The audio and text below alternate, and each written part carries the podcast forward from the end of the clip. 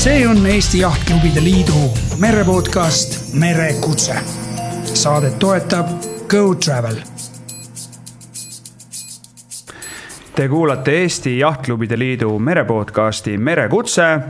saadet toetab Go Travel ja tänase saate teema on, oh üllatust-üllatust, purjetamine perekonnaga. ja mul on külas äh, Kaur Klaaman, tere. tervist. äh, Alice Backhoff tervist! ja Elmo Saul. Äh, Elmo, sinuga me oleme varem ko- kohtunud mitmeid kordi, aga ma alustan äh, Alice ja Kaur teist. Te olete perepurjetajad, eks ju? noh, kahekesi sõitnud päris uhkelt, aga kuidas te esimest korda merele sattusite, mis oli see esimene, esimene samm mere äärde, vee peale, purje alla, Alice? No eks minu esimene kogemus oligi selline ilus ja lihtne, et äh, käisin lihtsalt äh, meres ujumas, rannas päikest võtmas. et ega mul mingit erilist purjetamise tausta ei olnud. kuniks siis äh, Kaur käis välja sellise mõtte, et oo, äkki läheks tooks Rootsist ühe purjeka. ja sealt see lugu alguse saigi sa, sa olid nõus minema siis äh, Kauriga äh, ühele purjekale Rootsi järgi, teadmata, mida see kõik üldse endast kujutab, nii et su esimene rännak oli mingisugune, ma ei tea, mitu miili sealt on, kolmsada miili või? oleneb kohast, eks ju, circa. jah, et, et nii oli, ajaliselt äh, klappis ja idee oli omajagu põnev ja intrigeeriv, et et Kauril on muidugi ka väga sihuke imeline oskus maalida hästi fantastilist pilti sellest, mis talle endale hästi meeldib ja mida ta hästi ise usub. et siis äh, ma olin nii-öelda sold. no Kaur Muheleb, räägi, mis, mis, milline sinu samm oli ja siis lahkame selle Rootsi reisi ka kõik üle.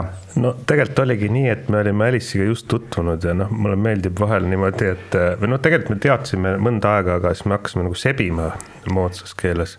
ja siis äh, alati, kui on mingi niisugune uus ja tore kokkusaamine ei pea olema ka lihtsalt lähedane suhe, aga mul võib sõpradel teha vahest niisugust, et oo oh,, kuule, läheks merele ja noh, mina juba tean, mida see tähendab, aga nad tihti ei tea.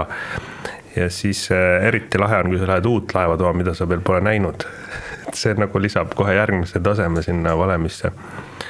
no ja läksime, et võib-olla Alice võibki veel kirjeldada siis, kuidas see reaalsus välja nägi?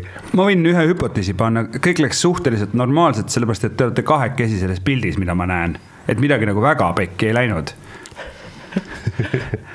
Alice naerab, nüüd ütle, kuidas tegelikult oli. võib nii kokku võtta küll, jah no kuidas jäime oli? sõpradeks. ja jäime sõpradeks jah, kuigi esimene ületulek oli ilus taganttuul kakskümmend sõlme ja mere peal natuke rohkem, võib-olla kolmkümmend ja laine oli ikka kolm meetrit ja Alice oli kajutis, merehaige ja noh, nii edasi. ma fantaseerisin juustusaiadest.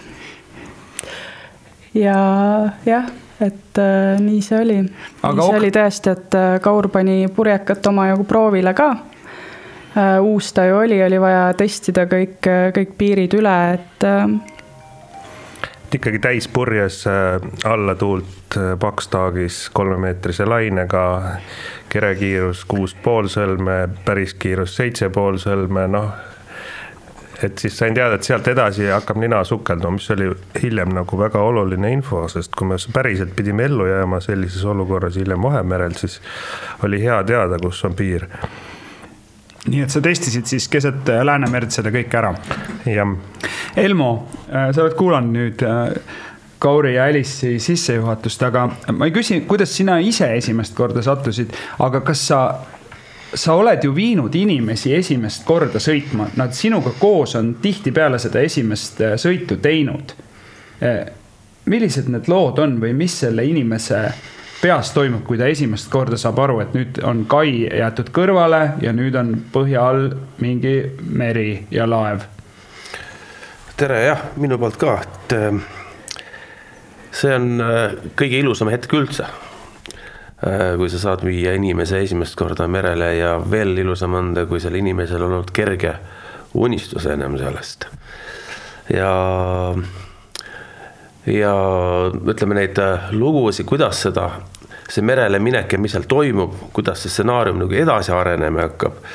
et see on nagu noh, lõputult palju osasid või versioone saaksid teha. aga, aga mina kui selle äh, kui, kuna see on minu leib, on ju, siis ma tahan, et inimesed tuleksid veel ja veel ja veel, et siis ma tean neid äh, nippe äh,. kuidas äh,, kuidas inimestel jääks see meeldivaks ja nad tahaksid veel et äh, aga selline võib-olla üks ilus selline moment oli, et üks, äh, üks tore, äh, väga meeldiv proua ütles, et tema tahab purjetama hakata, ta ei olnud füüsiliselt kõige oda-, osavam, ta ütles, ma ei ole osavam.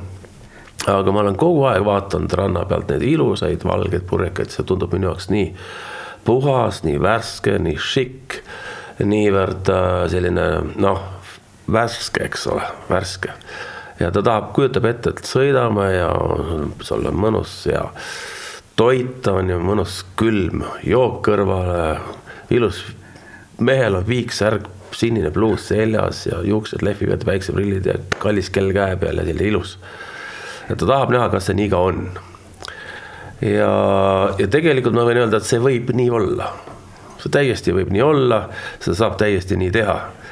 aga mm, aga kui ta siis sõitis seal paadiga ja need lained olid ikkagi suuremad, kui kalda pealt paistis, siis ta, siis ta sai aru, et ehm, et mingid, mingid oskused võiksid olla, mingid teadmised võiksid olla. aga see polegi nii kohutav, kui räägitakse. Ehm, et see on, et oled üleni märg kogu aeg ja, ja kogu aeg pead, maru kallis on. aga, aga samas jälle ikkagi ta noh ta ei ole ka, teda saab kujundada ja tema sai selle esimese äh, reisi ikkagi sellise, mida ta oli ette kujutanud.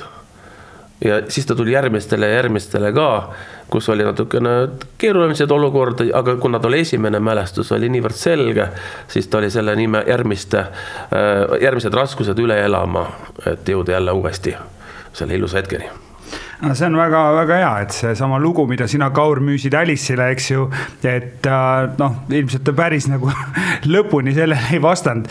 kas te läksite tülli ka sellel esimesel rännakul, lihtsalt huvi pärast küsin? Nad vaikivad. mõtlen mingi vendri püüdmise lugu oli, aga see oli vist triviaalne või, või oli midagi? Äh,? ei, ei meenugi praegu selle esimene, esimene reis oli siis kokkuvõttes ikka päris, päris kena. ja, sest sellele kolmemeetrisele. see oli ka otsustuskoht, kas me saame nagu koos jätkata, et sealt äh, pinda oli, kust edasi minna jah, ja sellele kolmemeetrisele lainega sõidule eelnes ju ilus äh, Rootsi saarestik mitu päeva, eks ole, see oli imeline no sama lugu siis nagu Elmo rääkis, et see esimene emotsioon oli tore, positiivne ja siis ta hakkas andma. minul on endal samasugune kogemus olnud minu esimesest Muhu väinast, äh, kuhu ma läksin folkboardiga, ma olin sõitnud mööda lahte äh,. olin õppinud, käinud koolitusel, noh, kõik erinevad variandid, aga ise oma juhtimise all ma ei olnud lahest välja läinud, mõtlesin, et üliäge on Muhu väina minna. jube tore oleks minna nagu ähm, õhtul et äh, proovida siis kohe ära, sest Muhu väinas on see ööregatt ka, on ju, et noh, kohe harjutada, eks ju. meeskonnal hakkas halb siis, kui pimedaks läks, väga paha oli. aga ühesõnaga mingi, noh, kõik tundus suurem, koledam ja hirmsam, aga jõudsime ilusti sinna Haapsallu kohale, kus see start oli. ja siis tegelikult see Muhu väin oli kuidagi, ma ei tea, keegi ülevalt poolt või altpoolt või vee seest hoidis, et ta andis meile nagu iga etapiga nagu järjest nagu suurema väljakutse. ja lõpuks oli see niimoodi, et meil oli selline päris kõva ellujäämise äh, purjetamine äh, Roomassaare, Pärnu Roomassaare ja see oli päris, päris kole, kole katkumine väga kõvas tuules.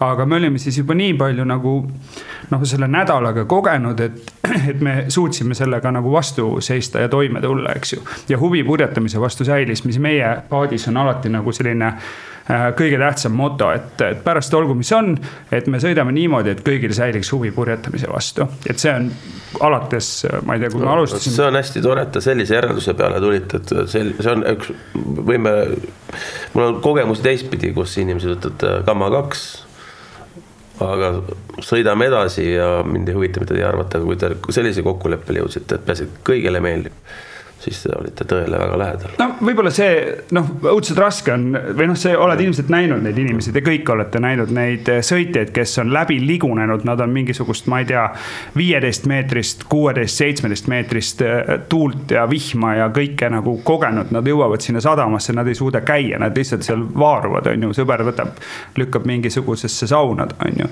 küsida käest, kas sa tahad minna kohe edasi ära küsi, ta ei saa arugi, mida see, mida, mida ma räägin, on ju, aga hommikul on see jutt nagu hoopis teine, noh, hommikul juba hakkad vaatama, et tegelikult nagu noh võiks, võiks ju midagi mõelda, on ju. ja hammas on verel, eks. et, et eks see on haigus, haigus noh, korralik. aga räägime korra sellest ettevalmistamisest, et, et ma arvan, purjetamine on üks selline nagu ka ilmselt väga paljud teised asjad, aga purjetamise puhul nagu minu arust nagu eriti saab selgeks see eeltöö ja see, mida sa nagu ette mõtled või planeerid või organiseerid.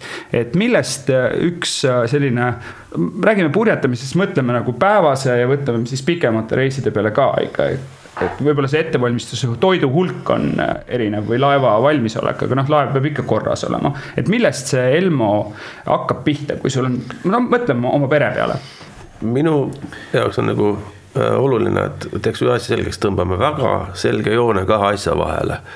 võidusõidu purjetamine ja matka purjetamine. et äh, kas sulle meeldib äh, äge ralliauto? meeldib, äge kiirus on, aga sellega mööda Euroopat ringi matkata on tore, ilmselt mitte. et aga kas selline mõnus matkaauto, sellega rallit sõita on hea, ikka väga halb, on ju, aga jälle matkata võib-olla on tore et purjetamises on või merematkamises, kas see mootorlaev samamoodi võib-olla, on see asi tuleks endale selgeks teha.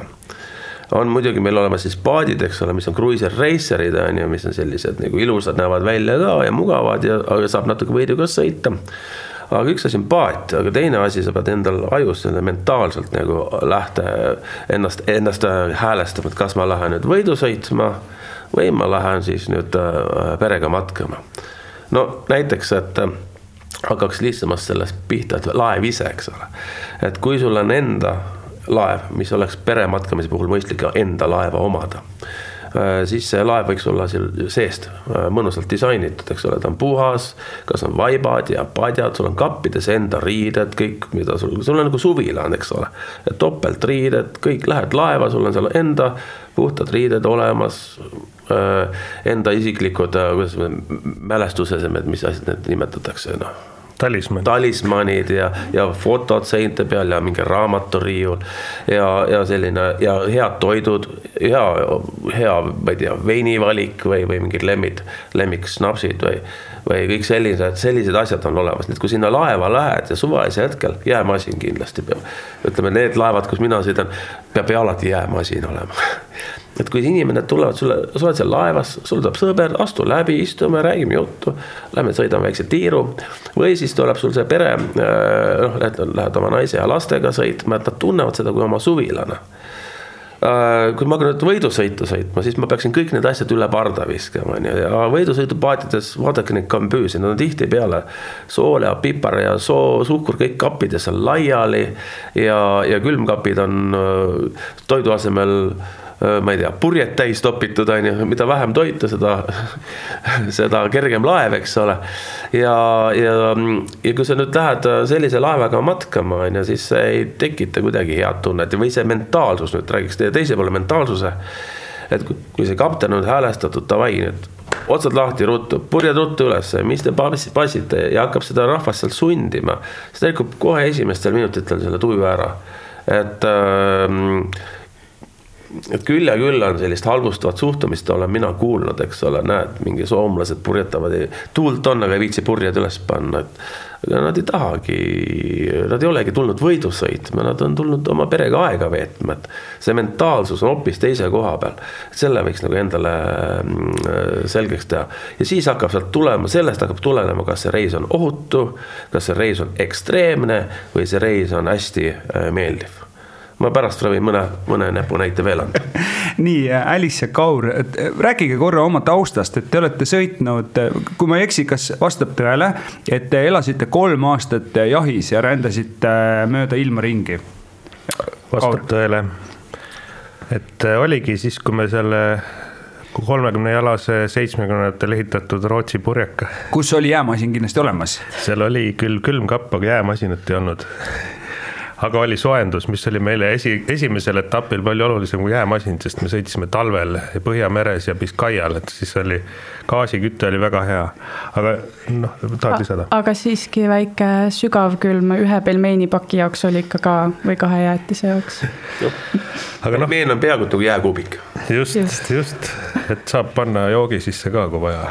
nii, aga kuhu te välja jõudsite siis või mis see teie plaan üldse oli? no plaan oligi nii, et siis me tegelikult selle piiride testimisega, mida siin enne sai mainitud, et noh, natuke ma kultiveerisingi seda veidike seda võistluspurjetamist, et siis nagu nähagi, kus on kellegi piirid ka nagu vaimselt, pluss kui on mingi olukord, kus tuleb kiirelt reageerida, sest merel neid ikka tuleb ette. siis on valmidus olemas kasvõi une pealt koist välja joosta ja võtta mingi puri alla või midagi et noh, siis äh, sellest lähtuvalt nüüd sellest esimesest piitsutamise reisist me tegime laeval modifikatsioone terve aasta, nii et me ennem järgmist suve ei läinud pikale tiirule. et noh, näiteks radar tuli panna, ais tuli panna äh, päiksepaneelid tulid panna, noh, ankruvints, kõik asjad nagu reelinguvõrk väga oluline, et asjad üle parda ei kukuks et ühesõnaga, see on jah, no pikema reisi puhul ma kujutan ette, et eh, on variant, kas sa remondid lennukit õhus, mida mulle ei meeldi teha. meil ei läinud mitte midagi kogu reisi jooksul katki kolme aasta jooksul, see on nagu hämmastav, et kui lugeda teiste mingeid sõiklusi, kuigi meil oli kolm tormiolukorda. ja siis noh, siis läksimegi, et. et mis siis äh, mõte oli äh, jõuda kuskile Vahemerre näiteks või, või või tegelikult sinu algne visioon oli ikkagi kohe üle Atlandi minna? et, et seal kohal ma ütlesin siis nii-öelda, et hoiame neid hobuseid natuke tagasi, vaatame, et vaatame, kuhu me jõuame, et võib-olla ühe suurema lombi esialgu ületame ära ja siis, siis saame edasi vaadata. aga et, sa läksid siis üle Atlandi? ei, sinna me veel mm., äh, seda me veel ette ei ole võtnud, et jõudsime välja äh, Tuneesiasse Bisertes, äh, et tegelikult selle reisi jooksul äh, me saimegi aru, et äh, sul täpselt on valida, kas sa tahad seda teha sellises võistlusstiilis ja mõelda, et ma pean jõudma ilmtingimata selleks ajaks sinna sadamasse, sinna riiki. ma tahan hästi lühikese aja jooksul käia läbi ja näha hästi palju või siis just võtta aega ja tegelikult tutvuda riikide kultuuridega, sadamatega ja nii-öelda teha seda selles suvilas stiilis. et äh, siis me võtsime rohkem aega. just, et noh, esimese sellise pikema ületuse me saime talvel nagu Põhjamerel kätte ja Biskaial ka.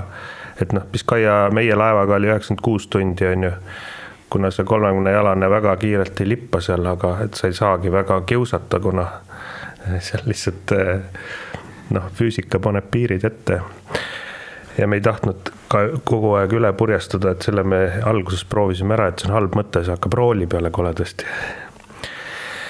Ja siis jah, et peale seda Biskaiat ja talvist Põhjamerd, siis me otsustasime, et me läheme ikkagi Vahemere sisse, et noh, oligi mõte, et kas me lähme Suessi mööda alla üldse, teeme teistpidi seda tiirast, mul oli ikkagi see pallitiir kogu aeg silme ees aga noh, siis tuligi Covid peale, siis me jäime lõksu sinna. et eh, siis me saime ka ühtlasi aru, et meil on vaja suuremat laeva lihtsalt füüsiliselt sellepärast, et me ei saanud eh, püsti seista kajutis, me oleme mõlemad üle meeter kaheksakümne, kajuti lagi oli seitsekümmend viis, nii et meil oli nagu radikuliit oli juba peaaegu sõber, on ju, aga. et kui et... sa mitu korda päevas eh, köögis süüa teed, siis varem või hiljem see hakkab nagu seljale natuke. et siis ja. oligi, et peale Covidit, kui me, meid pandi lukku laevas Hispaanias, noh, sisuliselt niimoodi, et nädalas korra saime välja kai pealt, et eh, siis, siis sai aru ruttu, et kuut ruutmeetrit on nagu vähe kahe inimese jaoks, pluss võiks püsti saada seista no aga te olete rõõmsad ikkagi, elasite üle selle karantiini? no lõbus oli ikka, ise pidi kuidagi lõbustama, et eks me salaja käisime öösel ujumas ja mida ei tohtinud küll teha ametlikult, aga no me olime ikka ilusas kohas kinni ka, me olime Norca saarel, noh, see on üks parimaid nagu võib-olla võimalusi, kus olla lukus. aga noh, see selleks, et seal sellest hoolimata järjest nagu karmimalt äh, võeti seda asja, kuna neil ei olnud äh, noh, siis ütleme, võimuorganitel oli ka igav. Nad said tee peal testida. Elmo, aga kui mõelda nüüd pere peale, peres on äh, lapsed, sul on kolm last või rohkem veel? no sul on hulk lapsi. mõned lapsed on jah. sul on mitmed lapsed. Nad on erinevas vanuses, kuidas sa, kuidas nende, nendega arvestamine käib või kuidas nendega üldse see reisi planeerimine käib? mida nemad ootavad? üldiselt nagu mm, paljudel ikkagi inimestel, kes ei ole purjetamisega tõsiselt seotud, on kõigil enam sarnane unistus, sarnane nägemine, sillerdav vesi, päikse, päike, hea toit ja nii edasi, eks ole. et sest seda tuleb nendele ka pakkuda. ja, ja võib-olla paljud, paljud Eesti purjetajad on praegu pahased, mõtlevad, et, et ei tea, ma, ma ei tea, millest ma räägin, meri on raske, meri on karm ja, ja nii edasi, siis äh, kui ma, ma olen sportpurjetamisega tegelenud, siis olin kogu aeg, olid tormikad seljas ja kogu aeg märg ja kogu aeg oli öö ja vihm ja kõike seda, mida inimestele kiputakse kirjeldama, et mis purjetamine on, siis pärast, kui ma spordipurjetamisega siin kümme aastat ei tegelenud, vaid matkapurjetamisega, võin öelda, et ma pole kümne aasta jooksul ei pannud tormipüksi jalgagi et äh, nagu see nagu kõneleb millestki, et, äh, et tegelikult on võimalik. et lastele pakkuda või perele pakkuda seda, äh, millest nemad, kuidas nemad seda asja ette näevad. ja vahest siis, kui lähevad asjad nagu halvaks, et tõesti hakkab kellelgi väga paha, siis on võimalik teha ikkagi väikseid plaanimuutusi, mitte väikseid, vaid suuri plaanimuutusi, et tavaliselt, mis on, me oleme kinni väga võistluspurjetamisest tulema see kuupäev, see kell on start Pärnust Ruhnu, tuleb taevast kas või bussnuge ja kes ei julge minna, on nõrk, on ju, kõik lähevad. ja, ja vastavalt õiged riided pannakse selga. aga kui matkapurjetamine on, siis ma lähen siis, kui on mõnus. ma jõuan samal ajal Ruhnu kui teised need sportpurjetajad lihtsalt ma tulin, nemad lihtsalt nägid merel palju vaeva vastu tuld, ma ootasin selle ühe päeva sadamas ära, jõudsin paar tundi hiljem või, või isegi varem, kui mõnusalt tulin. et äh, selline planeerimine, ilma planeerimine, reisi suuna planeerimine, aga kui ma ei lähe Ruhnu, tuul on vastu, lähme siis hoopis Kih-, mitte Kihnu, vaid noh, jah, lähme Muhumaale, on ju, et Pärnu, Pärnu, Kihnu, Muhumaa, on ju, kui selline sõit on plaanis. ja sellega sa muudad oma reisikulgu drastiliselt, on ju nii et, et sa saad pakkuda inimestele seda, äh, mida, millest nad unistavad, aga siin oli üks asi, äh, mainisid huvitava asja, rääkisid võrkudest, et ma hakkasin praegu mõtlema, et ma ei ole näinud Eesti paatidel väga palju neid reilingu võrkusid. et see äkki räägib millegist, et äh, lapsed, lapsi ma olen näinud palju, kassid-koerad meil juba on laevades, on ju, mis on normaalne, tomatit ja tilli võiks ka kasvatada, neid ka olen vähe näinud, on ju aga hakkasin just mõtlema selle võrkude peale, et, et neid ma väga ei näe, et, et võib-olla siis Eesti äh, purjetajad ikkagi disaini oma paati nii pere, peresõbralikuks, peresõbralikuks veel. Äh, minul ei ole isegi reelingut paadil sul on polkkood, seal ei peagi olema. aga koertest äh, ma, ma räägin ühe sihukese loo, mis oli väga-väga tore, et ma läksin samamoodi, helistasin sõbrale, lähme purjetama. väga tore, et ta oli, tuli oma kolme lapsega ja ta oli võtnud endale uue labradori, võttis ka selle kaasa, mõtlesin, et jeeru, jeerun küll, et mida see labrador siin nüüd siis teeb ja et.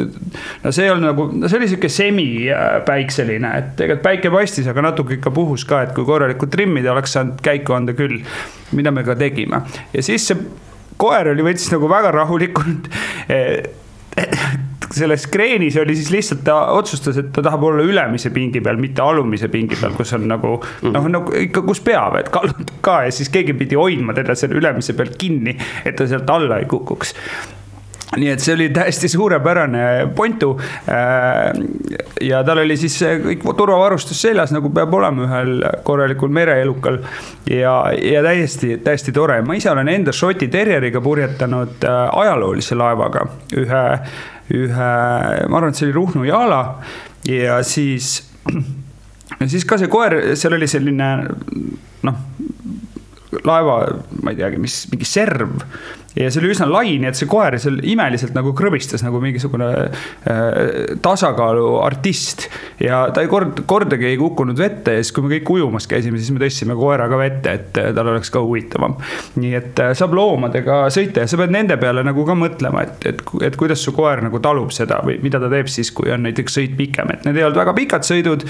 et noh, koer ju mingi kaheksa tundi on ju vast ikka valmis kodus ootama, kui pereramas tööl on, nii et saab loomadega ka, aga sa pead samamoodi arvestama, jook, söök on ju, turvavarustus, kõik need asjad ja järelevalve muidugi ma hakkasin mõtlema praegu, et, et me räägime siin äh, praegu hästi väga äh, huvitavalt väga erinevatest kogemustest, sinu folkpoodid, äh, teie, teie lugu. ja, ja mina, ma räägin nagu sellisest paadist, et mis oleks, oleks nii ära disainitud, et sul oleks tõesti ekstreemsusi ei oleks et loomulikult, mida väiksem paat kunagi oli, kas seal Madeira saarest üks Porto Santos vist oli üks väike USA, USA lipuga paat oli meie kõrva hästi ilus puidust ja kaks või kolm inimest oli sees.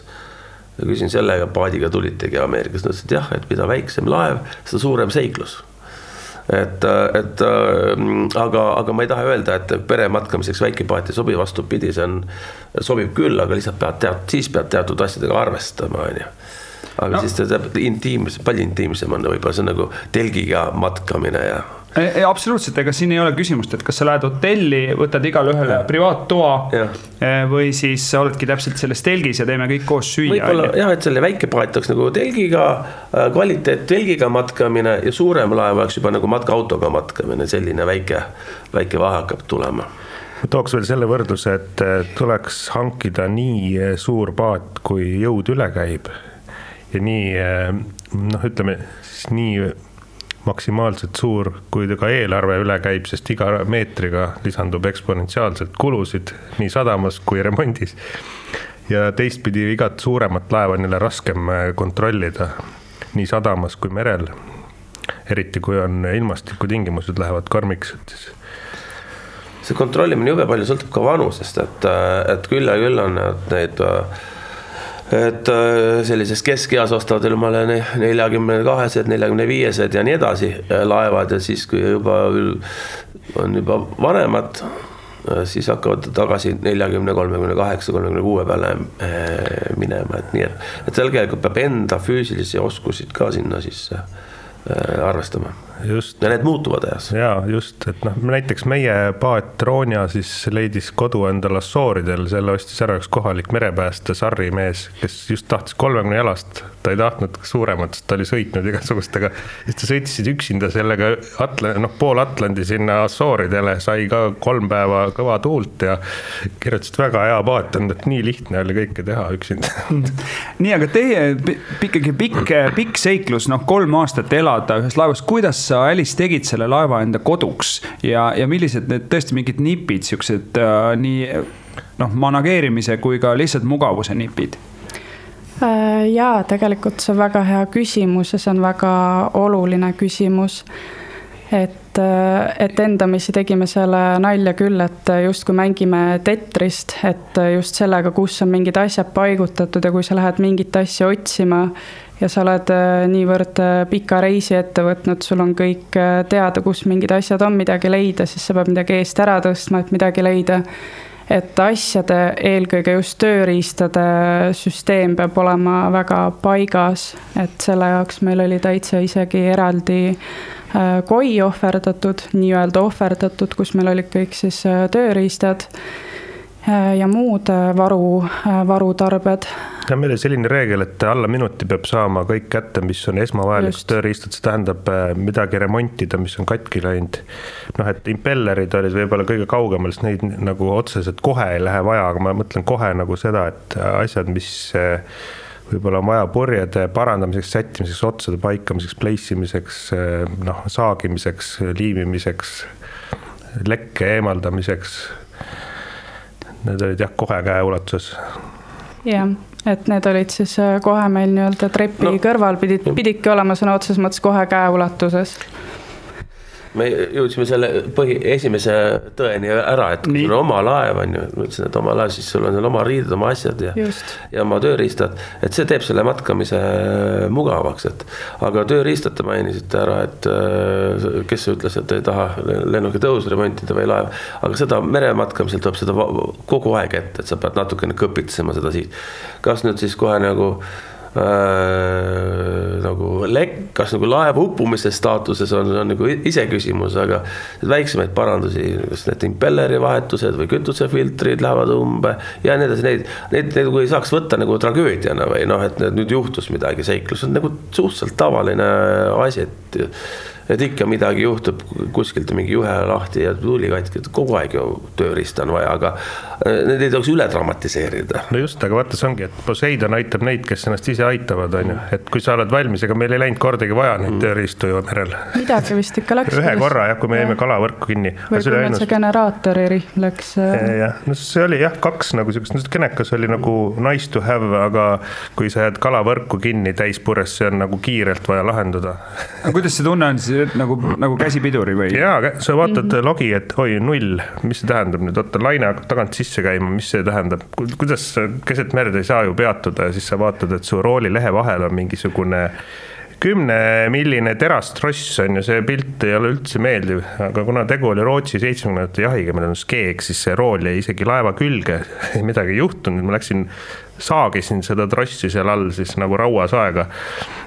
all, see tähendab, sa sukeldusid? jaa, see oli jaanuarikuu äh, Atlandil siis Portugali ranniku ääres, et seal neid võrke nagu jagub no räägi sellest siis. ei no laev taob sulle meetrise amplituudiga vastu pead, on ju, ja siis sa seal all, eks ole, saed noh, niimoodi, et sa tuled hingama, siis sa natuke saed, tuled jälle hingama, et kogu see protsess, me pidime ka purjed maha võtma, ma arvan, et läks pool tundi või.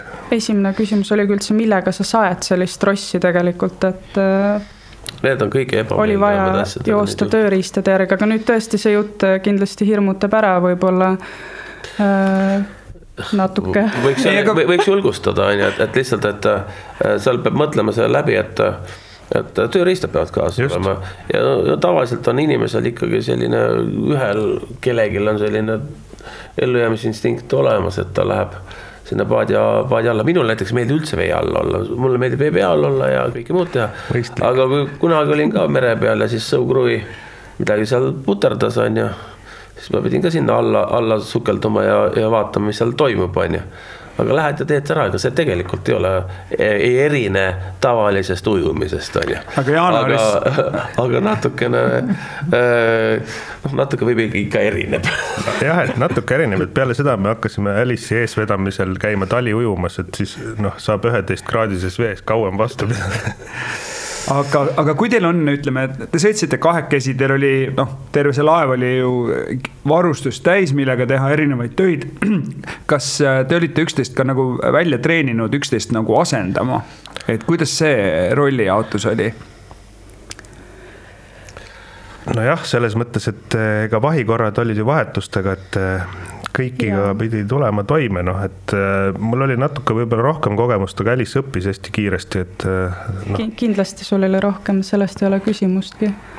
aga ütleme niimoodi, et iga tormiga, mis me läbi tegime, mina ise vähemalt tundsin küll, et meie tiimitöö või sihuke kommunikatsioon ja kõik läks äh, igati paremaks iga kord, et et äh, Jaa, arengut muidugi on alati, et merel sa õpid kogu aeg, tegelikult seda ei ole, et sa saad äh, ennast võib-olla sada protsenti ette valmistada, arvan mina. ma arvan, mul on ka veel õppida, võib-olla see ei ole täiesti tõsi. et ütleme niimoodi, et, äh, et jah, meri Aga ma õpetab ja olukorrad õpetavad. ka praegu siin, et, et jah, et äh, kindlasti, kui me räägime sellest just perega sõitmisest, et, äh, et julgustada siis äh, mingit tormi ja paadi alla äh, äh, pugemise, ujumise kogemused võib-olla tõesti eh, pigem hirmutavad, aga, aga, aga tasuks nagu mõelda just, et nendest tuleb ka valmis olla, ehk ärge minge perega matkama nii, et ainult üks oskab kindlasti tuleb ära ette valmistama naine ja lapsed, et oskavad abc-ga hakkama. et kui see kõige osavam äh, kas kukub merre või lihtsalt äh, tal on terviserike, ükskõik mis, midagi täiesti ootamatut. et see pere saaks ilusti hakkama, mina olen küll niimoodi teinud, et lastega merele, siis kohe näed, vaata, seal on see sadam, seal on teine sadam, tuletan meelde, siin on raadio, on ju. et saate hakkama ilma, kui ilma minuta, jah, saavad ilma minuta hakkama, no okei okay,, võib-olla see sildumine ei, ei tule nendel välja, on ju, aga nad vähemalt, et kui näiteks kui näiteks perejuht või see, see nii-öelda vastutav kapten peaks nagu kasvõi kõige halvemalt äh, otsad andma, on ju, et siis ei pea sellepärast teised ookeani peale jääma surema, on ju. et nii palju võiks seda ettevalmistust äh, olla. Just ja hea ilmaga soovitan teha mees üle parda manöövrit, see on ülilõbus kõigil ja väga mõnus rahuliku ilmaga. Ja siis sa, kui sul on päriselt seda vaja, siis sa teed seda nagu lihasmälus, nii et midagi ei mõtlegi nii et kogu see punt, kellega sa sõidad, teha seda, kui sul on mingi regulaarne punt, pere näiteks siis, eks ju. et siis tehagi seda aeg-ajalt ja vaadata siis oskused ja asjad üle, on ju, et kus on, ma ei tea, säraküünlad ja. ja kuidas raadio töötab ja kui on vaja lisaakut, eks ju, kus, kus siis seda saab jah, see ära küll nad vist läheb jõulude vahel vaja, aga no. aga ma saan aru, mida sa mõtlesid no. elust lõpus. säraküünlad on ka tähtis ju teada, kus need seal jõulude ajal on. meil vist isegi olid jõulude ajal säraküünlad. ja meil olid jah. aga ei, selles mõttes jah, et äh, neid, neid tuleb teha, aga mitte üle dramatiseerida. aga teine, teine asi, mis me rääkisime siin veel siis noh, et, et kuidas ikkagi meeldivaks muuta see reisimine, et, et tuleks, on ju, siis äh, kindlasti tuleb tuleks seda reisi planeerida soodsas tuule suunas. ja kui sa vaatad, mismoodi matkapurjetajad sõidavad, äh, kui nad nädal või kaks sõidavad, siis nad tegelikult panevad ühte trajektoori kõik. kõik ju teavad ilma prognoosi, kõik liiguvad, see fliit liitub ühte, ühte trajektoori äh, teine on, noh, sõltub väga, millises piirkonnas sa sõidad, kas sa teed Läänemeres või Vahemeres või, või teed mingit ookeaniületust, see kõik on erinevad, eks ole aga kui me siin Eestis oleme, siis võib-olla võiks rääkida sellest Eesti, Soome, Rootsi, äh, Saksamaa, Rüügen on ju Holland ja Taani, noh Hollandisse võiks ikkagi ära käia sellise ringi, mis on meil käe ulatuses. Siis siin peab äh, vaatama just, et kumba pidi seda ringi teha, et lähed alati tuulega kaasa ja, ja, ja need otsad, äh, lõigud, eks ole, võiksid olla sellised kaks, kolmkümmend miili, ega meil see kolmekümne miili projekt sadamates ei olnud ju ilmaasjad, et mugav maa. kolmas asi, vaata, kuidas kõik pered sõidavad, hakkavad hommikuti sõitma kell kuus. Nad on juba kaheteistkümneks uues sadamas, sest see on natukene vaiksem aeg, on ju. et trajektoori valid, sadamaid valid, distantsi valid lühemad ja, ja siis kõik toidud head ja muud asjad juurde turvalisus on sul üles ehitatud, et sul on tööriistad olemas. sul on pereliikmed elementaarsetes asjades välja koolitatud ja niimoodi ta mõnusaks muutub ja ma täiesti nõus Elmaga, et äh, me tegelikult alguses ise ka natukene noh, ikka pressisime, vaata, kui me sõitsime vist äh,, mäletad, Utklipanilt vastu tuult Bornholmile, et noh, nui neljaks me peame homme sinna jõudma. ma jõuame, jõuame ühe sellise huvitava asjani, et, et kui me räägime hoopis teisest asjast, mitte pere äh,, perevõrdsusest, et ohutusest on ju, siis et kõige ohtlikum asi on üks asi on see, et noh, tavaliselt, kes eksib, miks, miks juhtub õnnetus, juhtub sellepärast, et inimene eksis. miks inimene eksis? tavaliselt sellepärast, et ta oli väsinud äh, see on kaheksa protsenti juhtudel, harva kui midagi läheb katki või kui läheb katki, on tehniline rike, sellepärast kohe ei hukuta, on ju, või midagi. ei ole kohe füüs-, inimesele vigastus, eks ole. aga teine üks põhjus, mis nagu on nagu hädade äh, sisse programmeerija, on äh, minu ego, minu tahe, mina tahan täiesti nõus. ja siia mul rääkida üks maalakas lugu, ma ei tea, vist seda eelmine kord ei rääkinud no.. ja, ja kuidas mul ühe kliendiga, kes tahtis pere, just omal ajal naine ütles, et me, mees otsustas ka, et päris tihti naine otsustab, mees hakka sõitma nüüd, mees tuleb kooli. aga, aga jah, perekond oli otsustanud, nemad tahavad perega hakata sõitma ja oli kõik ähm, teooriakoolidest ära teinud, oli esimene purjetamise praktika Pärnust. ta oli individuaalpraktika, et kahekesi läksime Pärnust Kihnu, temal oli plaan ja ta tegi nii korralikult, ostis kõik pabermerekaardid ja tal oli see teekond paberi peal kõik planeeritud ja välja arvutatud nagu briljantne. ja saime Pärnusse õhtul või hommikul kell kümme kokku või ma ei tea, kell kaheksa kokku. temal vaja Kihnu minna, vaatame kaarti ja ma vaatan kaardi, mul lähevad silmad suureks. tal oli planeeritud ümber Kihnu see, et lähme nagu sõidame Kihnu lähedale, sealt lähme ümber Kihnu ja siis lähme Kihnu sadamasse. ma küsin, et, et miks nii, et miks nagu otse Kihnu ei võiks minna, aga ma tahan. Et ma pole ümber Kihnu kunagi purjetanud, ma ka pole kunagi ümber Kihnu min-, purjetanud, aga, aga miks me otse Kihnu ei võiks minna, miks me peame ringiga minema, tema ütles, ma tahan, on ju et see oleks vahva, vaatasin, see vahemaa on nii pikk, on ju, kakskümmend miili otse, on ju, neli tundi sõitu, ma olen rentinud laeva, eks ole, kahekümne neljaks tunniks või ma ei tea, kaheks päevaks või mind peaks pikaks ajaks me rentisime. et selle ajaga jõuaks ju Kihnule ümber tiiru peale teha, kas siis ei jõua? ma ütlesin, no tegelikult jõuab, aga miks me peaksime seda tegema? ma tahan aga siis, kui me olime sealt Pärnu lahest välja jõudnud, äh, selline sinna Sorgu saare alla, see on siis kümne, paar tunnikest, kolm tunnikest sõidutud. Kahekesi on ju, seal Sorgu saarest läheb natuke sügavamaks, lained natukene suuremaks. ja kui need lained olid ka seal natukene ümaramad, siis ta vaatas mulle otsa, ütles, et Elma, kuule, see purjetamine ei ole päris selline, nagu sul kodulehel on reklaamitud. reklaamil, seal oli ilus pilt meris, ile, purjed ja ja päike ja nüüd on hoopiski mul natukene iiveldab sees, lained on kõrged, ma siin alla minna ei saa, kõht on tühi, natuke jahe ka onju. ma mõtlesin, et ma pean nüüd raha tagasi maksma, et mul foto alla ei olnud kirjutatud, et, et pilt on illustreeriv. aga mulle see mõte juba nägi meeldis, ma juba teadsin, mida ta järgmiseks tuleb mulle tege-, ütlema.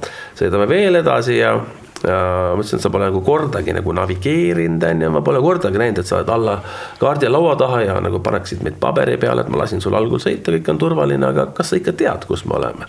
et mine käi seal all ja pane sinna kaardile lõpuks meid kirja noh, see oli väga lihtne, me olime liitsihti tulnud, tuul soos, soosis on ju, et polnud seal tegelikult midagi navigeerida.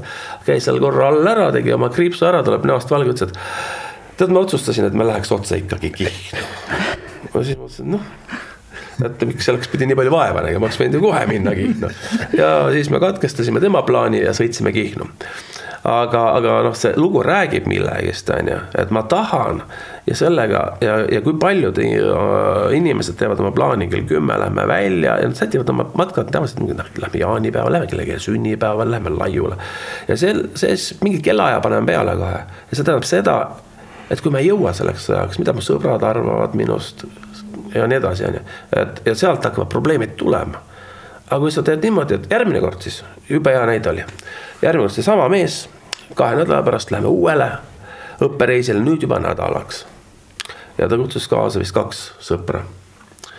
et tema pidi ennem sõpradega ära õppima, siis tuleb naine alles äh, laeva. ja ma ütlesin, noh, kus me siis nüüd läheme. Ruhnu või kus see plaan on? Ei tead, ma kutsusin sõbrad, et las nad tulevad äh, sadamasse, et siis sadamas vaatame, kas me läheme Ruhnu või läheme Soome poole või läheme Läti poole. ehk ta oli õppinud, et, äh, et sadamas vaatame, kuidas see ilm tegelikult on, kuhu me läheme, kuidas meil mugavam on. ja see reis kujunes väga meeldivaks ja see perekond hakkas sõitma ja nad ütlesid, siia peale endal on oma laev ja lastega ja koeraga, kõik sõidavad ringi. aga see mõtteviis oli nagu oluline nagu ära kujundada, võib-olla see on siis merematkamise juures üks selline oluline super hea näide nagu Aabitsa näide, et noh, kui nüüd tõmmata paralleeli, siis oligi meie, kes me olime Läänemeres, vaata see, me oleme ka Läänemeres natuke ära hellitatud, siin pole hoovusi. et me pressisime siis Utt-Klippanilt Bornholmil vastu tuult, laevast oli jube kahju, sest iga lainega prõmmis vastu noh, kaks pool, kolm meetrit lainet vastu ikka, no lähme, lähme. ja kui me jõudsime siis äh, läbi Kiili kanali ja sinna Cuxhaveni, siis me saime üsna kiiresti aru, et sealkandis ei ole üldse mõtet äh, emakese loodusega kakelda, sest et kui hoovus vastu on kuus sõlme ja sinu mootor teeb viis pool, siis sa aeglaselt jõuad tagasi. et üks mees, kes meile õpetas veel parema illustrat-, illustratsiooniga, tema laeval ei olnud purjesid. tema sõitis Hamburgi ja Cuxhaveni vahet äh, hoovusega, nii et ta pani ankrusse, kui hoovus oli ebasobivast suunast ja siis võttis ankru üles, kui oli sobivast suunast et jah, nende reisi planeerimist, noh, mul äh, võin veel rääkida, aga, aga hästi lühida näite, kui hoovustest rääkida. kõigepealt esiteks Läänemeri on äh, minu arvates Eesti, Soome, Rootsi on maailma parimaid üldse merematkamispiirkondasid, sest meil plusse lihtsalt tuleb rohkem kui Vahemeres. teine on jah, Läänemeres ei ole küll hoovuseid, aga, aga meie Läänemeri on küllaltki vastik ja, ja karm ilmselt kõige hullem ongi see Hollandi-Saksa rannik, et kui on vastu tuul ja hoovus teine teiselt poolt, et siis on väga vastik. aga seda saab planeerida, on ju, et kui sa ikka sätid tuule ja hoovus ühtepidi ja lähed järgmisse sadamasse siis, kui kõik klapib kokku.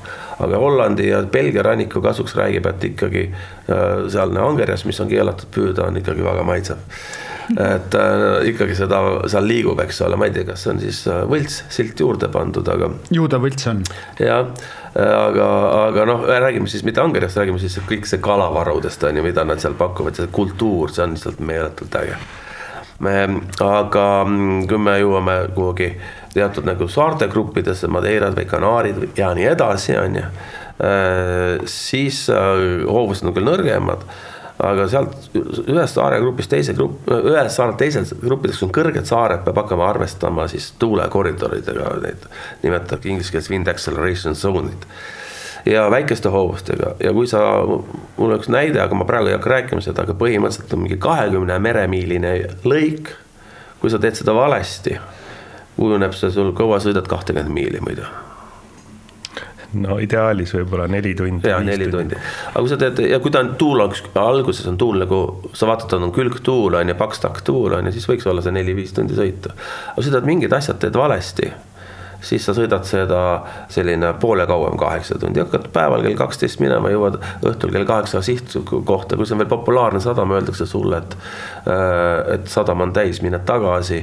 Ja lained on olnud vahepeal sellised nelja-viie-kuue meetri kõrguselt, tuult on olnud neli-viiskümmend sõlme on ju, ja, ja siis pärast seda ütle inimestele, et jube äge on ju. sama trajektoor, sõites natuke teistmoodi, jõuad sa nelja tunniga kohale ja kõik ütlevad, et nii lahe või ilus purjetamise ilm oli ja jõuad õigeks ajaks sadamasse, Valgesse sadamasse, jõuad restorani ja kõik ütlevad jube äge. aga ma seda lugu praegu ei suuda rääkida, aga, aga lihtsalt ma räägin sellest planeerimisest, eks ole.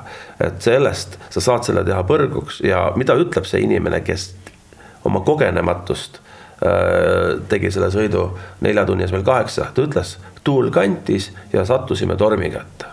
aga mina ütlen, ta lihtsalt ei teadnud jah, või unustas ilmateadet vaadates, tegelikult torm ka. seal on mingid asjad on, mida nagu ilmateade nagu äh, ei näita või sa pead teadma kohalikku olusid, kõik teavad seda. kõik teavad seda seal noh äh, mingi, mingi osades piirkondades. mingid tüüsikohad siis põhimõtteliselt. tüüsikohad jah. kõlab äh, jubedalt.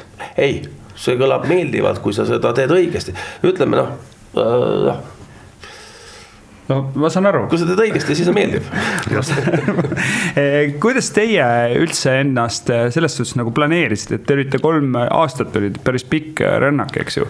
et eh, kuidas teie hoidsite, kuidas te valisite üldse kohti ja kuidas te planeerisite oma neid sadamaid, kuhu minna ja ja, ja millest te lähtusite nende valikul? no alguses vist võtsimegi niimoodi nagu chill imalt, et äh, noh, kuna me hakkasime minema juuli keskel, siis oli kõik ilus soe ja ega noh, ei kiirusta ju niimoodi edasi, et äh, tahaks ikka kõiki kohti näha, aga siis, kui me jõudsimegi nagu Põhjamere Inglise kanalisse, siis seal hakkas juba sügis ja ilm läks natuke külmemaks ja suust hakkas auru tulema öösiti ja siis nagu hoovus ka ja tuul, nagu Elmo mainis, et, et need ühtiks samal, samas soodsas suunas oli väga harva, et vahel pidi kaks nädalat passima, aga noh, siis me olimegi juba nii targad, et me ei hakanud pressima, sest me paar korda proovisime, sest meil oli tõesti juba kiire aga noh, siis me ilusti jõudsime natuke kaugemale tagasi, kust me alustasime, et see, kui sa täispurjest purjetad vastu kümnesõlmest hoovust, siis sa lõpetad natuke maad tagasi sealt, kus sa alustasid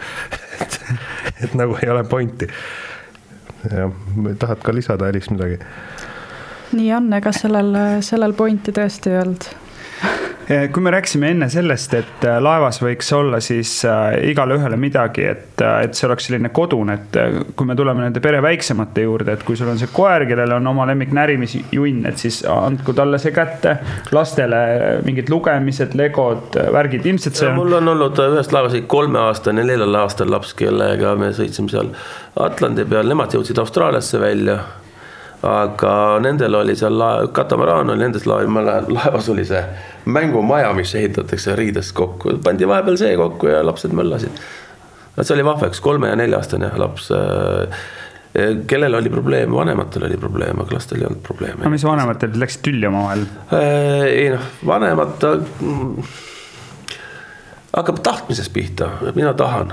lapsed nagu, nemad vaatavad, et meri ja päike ja kõik on korras. ja mängumaja ja. mängumaja ja, et ma tahtsin selle, selleni jõuda, et, et kolme-nelja-aastased lapsed saavad väga hästi hakkama ka ookeani ületamisega, veel paremini võib-olla kui täiskasvanud et seda, seal on mingid asjad, mille, mida tasub analüüsida, aga need, et, et, et lastega ei saa minna, saab küll.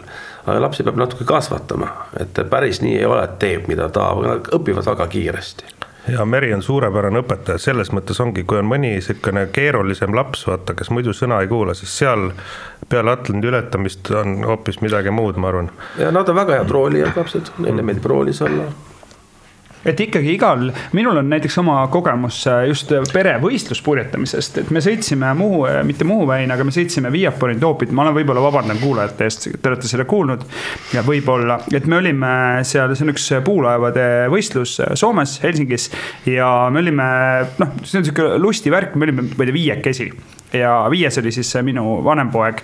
ja noh, midagi seal eriti teha ei olnud, ei osanud talle midagi öelda, on ju.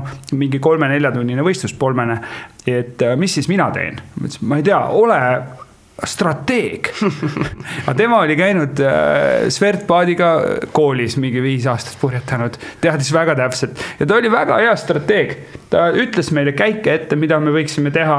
Ja tänu tema sellele tegevusele, et äh, oli tal motti, oli tal nagu adrenaliini ja oli tal nagu tahet äh, seda võistlust pere, noh, nõndanimetatud perevõistlust võistelda.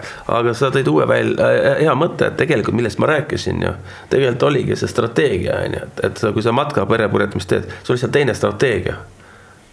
No kõik on ju lihtsalt, et aga seda, seda mõtlemist peab olema. Aga ühe, ühe, ühe mõtte ma tahaks veel rääkida, kui, kui tohib, et äh, inspireerimiseks, et kui merematkamisega perega teha, et mis võimalused avanevad. et võib-olla kõik ei tule selle peale ja võib-olla kõik ei tea seda. et äh, esiteks äh, meil Eestis saab omale väikelaevaload alates viieteist aastast, viieteist aastal laps saab load, mootorlapaadi load ja purjelaevaload kuni kakskümmend neli meetrit, millega võib sõita ümber maakera noh, selge see, et igaüks ei hakka viieteist aastat ümber maakera sõitma, kuigi äh, mõned austraallannad siin on seda teinud et äh, ja hollandlased on ja. üritanud seda teha ja, ja, ja mõnel on õnnestunud, et järelikult on võimalik, äh, aga see on juba ekstreemsus. esiteks, viieteist aastat saavad load, teiseks me unustame selle ära, et lapsed võivad ka sõita mootorpaadiga. kümneaastased võivad sõita ka mootorpaadiga ja, ja veel nooremadki. Äh, seda ainult vanemate luval ja seal lihtsalt peab selgema, Eesti seaduse järgi on see, et mootor ei tohi olla suurem äh, kui äh, kümme kilovatti, alla kümne kilovatiste mootoritega võivad lapsed sõita. ja purjelaev oli seal vist äkki kakskümmend ruuta või midagi sellist. valgel ajal, päevasel ajal, nad ei tohi sõita öösel.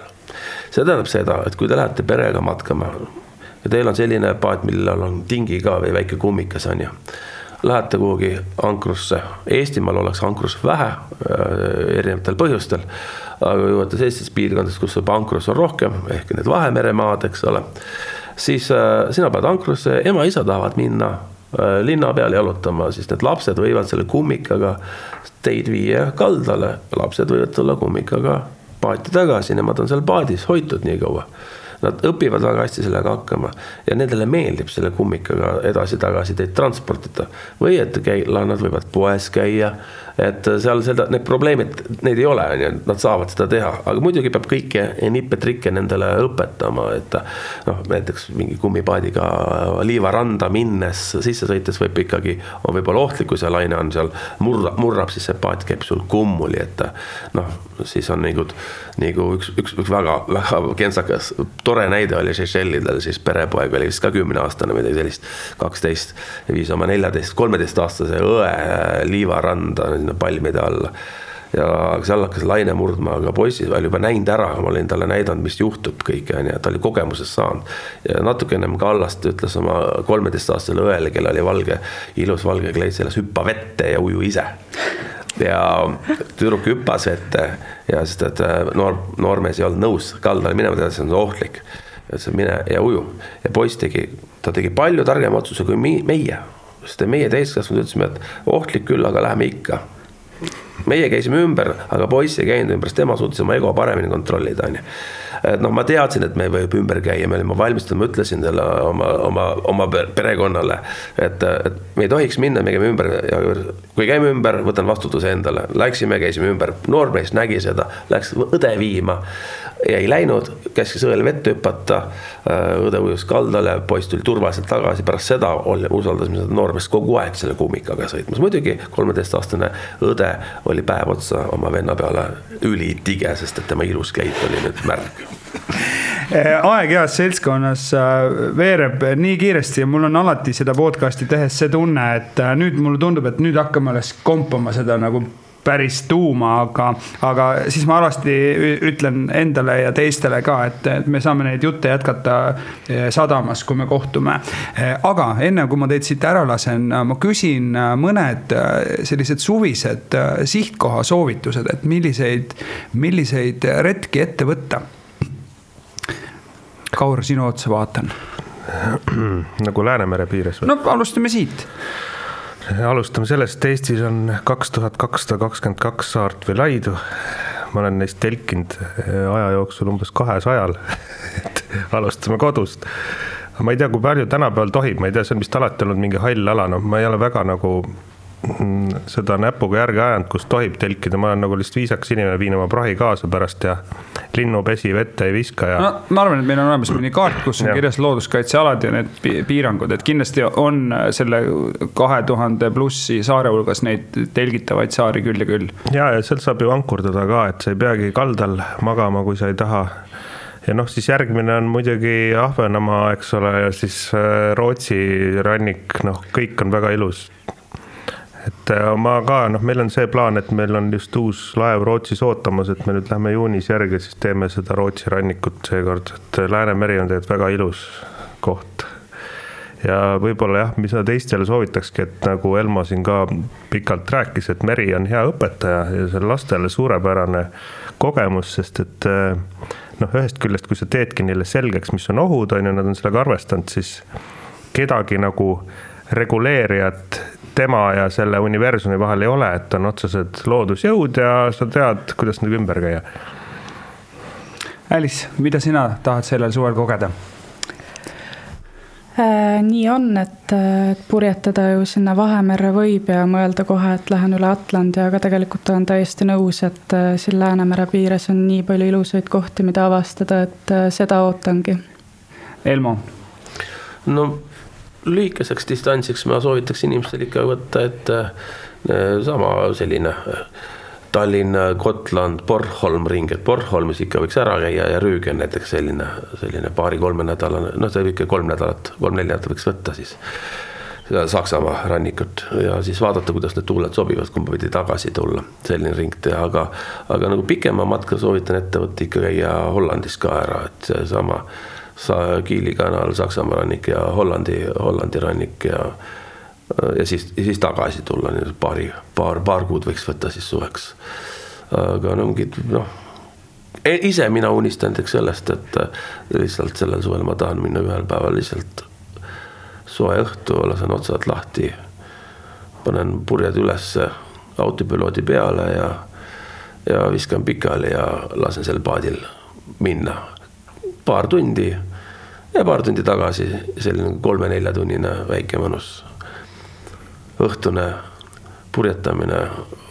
see oleks, kui ma ühe sellise õhtu saan, siis ma olen õnnelik küll. aitüma teile, head meresõbrad et olite täna valmis siia tulema ja jagama oma lugusid ja ja ma arvan, et nii Kaur, Alice kui Elmo, kui te kohtate neid kuskil sadamas, siis võib vabalt jutu otsa üles võtta ja küsida, et kuule, et mis sa sellega täpselt mõtlesid, aga, ja mis veel?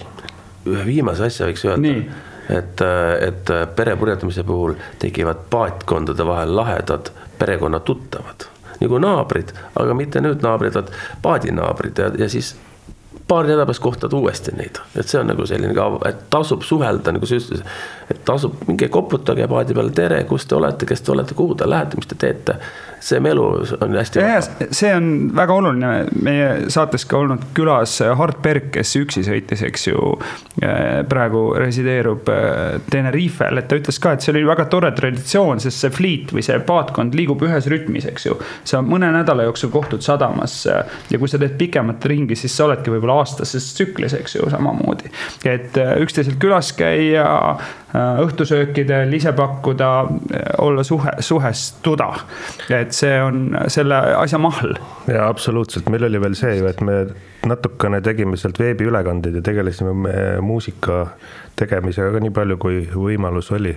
et meil tekkis nagu mingi muusikute klann üle siis selle teekonna Kakumäelt Tuneesiani on erinevaid jah, heliloojaid jutu jätkuks äh, nii, et vähe pole, aga siin mõned tea-, teavitused veel lõppu, et äh, merel, kui sa satud hätta, siis äh, häirekeskus üks, üks, kaks võtab vastu kõnesid ja loomulikult VHF-i kanal kuusteist ehk siis ärge tormake, olge parem valmis äh, hädaolukorda ennetama ja kui see juhtub, siis ärge peljake ühendust võtta.